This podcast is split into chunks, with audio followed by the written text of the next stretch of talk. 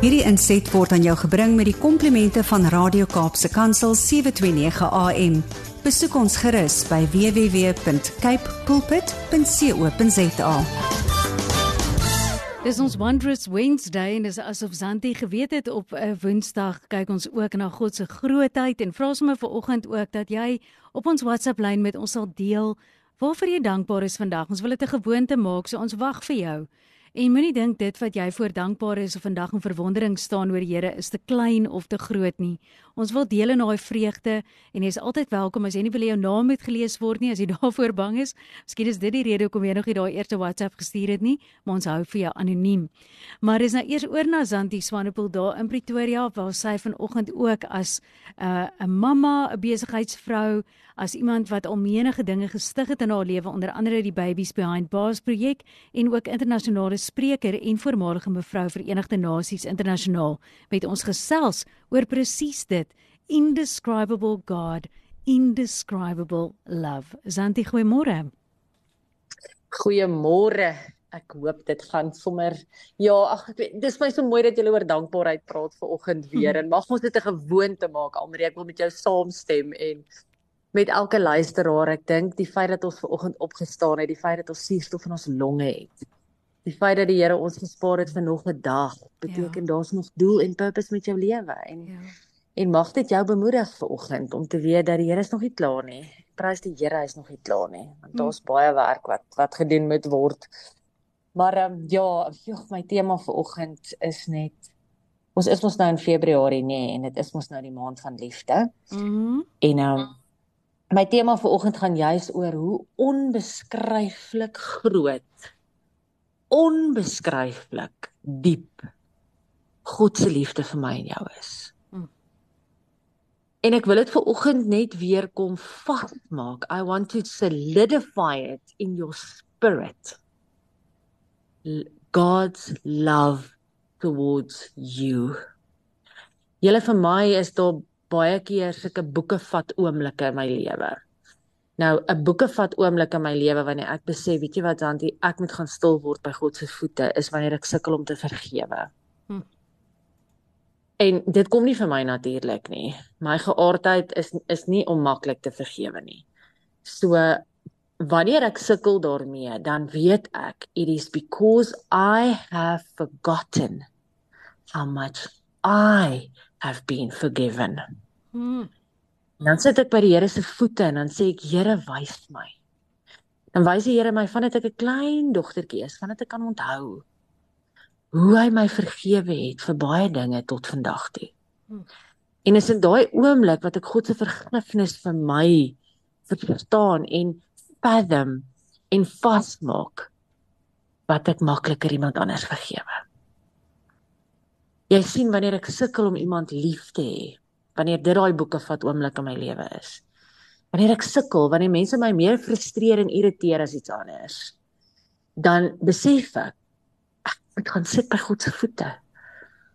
En ek moet hom vra en ek moet verstaan his love towards me. Because you see in this life we can only give what we have.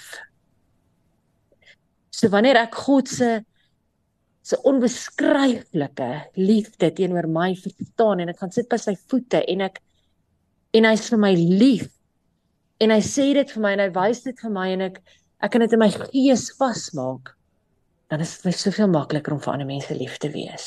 Hm. Jy sien want ek is net 'n wessel. I am like a a pipe of a tube and I can only give through me what I receive from the Father. So as my pyp sukkel om hierdie goedjies deur te kry, is dit omdat my source ek dit dalk toegedraai het. Because it's his through me that loves other people. It's his forgiveness for me that helps me forgive others. En nou wil ek met jou praat oor vrees vanoggend. Want jy sien, dis my derde boeke vat stop in my eie reis wanneer ek begin bevrees raak. Because I do. As ek soms nie weet hoe ek uit gaan kom nie, ek weet nie hoe hierdie dag gaan uitspeel nie. Daar's daar's goed wat my oorweldig. En en ek voel vrees. dan stop ek ook 'n oomblik and then I say maybe I have forgotten how much you love me God. Hmm. For it is written that there is no fear in love, but perfect love drives out fear, because fear is not made perfect in love. Jy sien en as ek al my vrese gaan neerskryf en ek kan dit tot een ding terugvat, hmm. dan is dit maar eintlik die vrees om dood te gaan. Alle vrese is gebore uit die vrees om te sterf. Maar jy sien as ek nog die vrees het om te sterf, dan het ek nie regtig verstaan God se liefde teenoor my. Dat hy aan 'n kruis gesterf het sodat ek nooit hoef nie. Ja, ek gaan my laaste asem hier uithaal en uit uit asem. Maar ek gaan dadelik in sy presence wees. And that was made perfect in love. Ek wil vanoggend met jou 'n storie deel en ag, mag dit diep in jou gees val. Mag jy God's indescribable love towards jou verstaan vanoggend. En mag dit jou help om uit daai vol word van sy liefde ander te kan lief hê. Om te kan vol word van sy vergifnis teenoor jou ander te kan vergewe. Om te kan vol word van sy liefde vir jou te verstaan dat daar nie plek vir vrees hoef te wees in jou lewe nie. Hmm. Because God's got this and he's got you. Jy sien 'n Vietnam veteran and Air Force colonel John Marizur tells about an 8-year-old orphan girl who was wounded after a misdirected mortar attack. An American Navy doctor and nurse were called. They surmised that the girl would die if a blood transfusion did not take place. Hmm. A quick test showed that neither American had the correct type but several of the injured orphans did. Kan jy dink hoe getraumatiseer was hierdie kinders in hierdie hele situasie? The doctor spoke some pidgin Vietnamese and the nurse a smattering of high school French. Using that combination together with impromptu sign language, they tried to explain to their young frightened audience that unless they replaced some of the girl's lost blood, she would certainly die. Then they asked if anyone would be willing, willing to give their blood to help. Their request was met with wide eyed silence. After several long moments, a small hand went up, dropped back down, hmm. and then went up again. Oh, thank you, the nurse said in French. What is your name, son? Heng, came the reply. Heng was then quickly laid on a pallet, his arms swabbed with alcohol, and a needle inserted in his vein. Through this ordeal, Heng lay silently stiff. After a moment, he let out a shuddering sob. Quickly covering his face with his free hand, he occasionally sobbed, and that gave way to a steady, silent crying. His eyes screwed closed tightly his fist in his mouth to still his sobs. The medical team was concerned. Something was drastically and very wrong. At this point, a Vietnamese nurse arrived to help. Seeing the little one's distress, she spoke to him rapidly in Vietnamese, listened to his reply, and answered him in a soothing voice.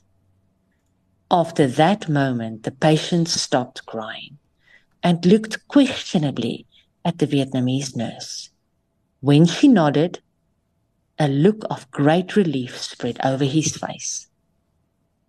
Glancing up, the nurse said quietly to the Americans,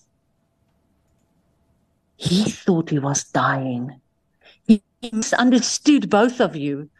He thought you asked him to give all his blood so that the little girl could live. But why? Why would he be doing do that? The Navy doctor asked. And the Vietnamese nurse repeated the question to the little boy, who answered the simple answer Because she is my best friend. Yella, this is a glimpse of the kind of incredible, uncomprehendable love God has towards each one of us. Mm. Daar's ongeskrywe that God sent his only begotten son so that you and I can live forever. Verstaan jy vandag toe toe Jesus aan daai kruis gehang het, was die vraag vir hom gevra. Would you give all your blood so that they can live? En toe hy bloed sweet in Golgotha en hy staan in die tuin van Getsemane en hy sê Here as hierdie beker my verby kan vat laat dit so wees but not my will your will. Then he surrendered. I do not know of any bigger love for you and for I. Dat God in die kruis gehang het al sy bloed gegee het sodat ek en jy vandag kan lewe ons oë eendag kan toemaak as ons reis op aarde klaar is en kan oopmaak in his presence. Hmm. May his love for you flood through you like a river. May his love give you the ability to love others. May his forgiveness that he paid the price for on that cross enrich, in full, flood you like the ocean so that it's easy for you to forgive others. And may that love, that blood that flowed for you on that cross, may that blood flow so strongly, metaphories, deur jou are, that it drives out all fear. In Jesus' name. Amen. Hierdie inset was aan jou gebring met die komplimente van Radio Kaapse Kansel 729 AM. Besoek ons gerus by www.cape pulpit.co.za.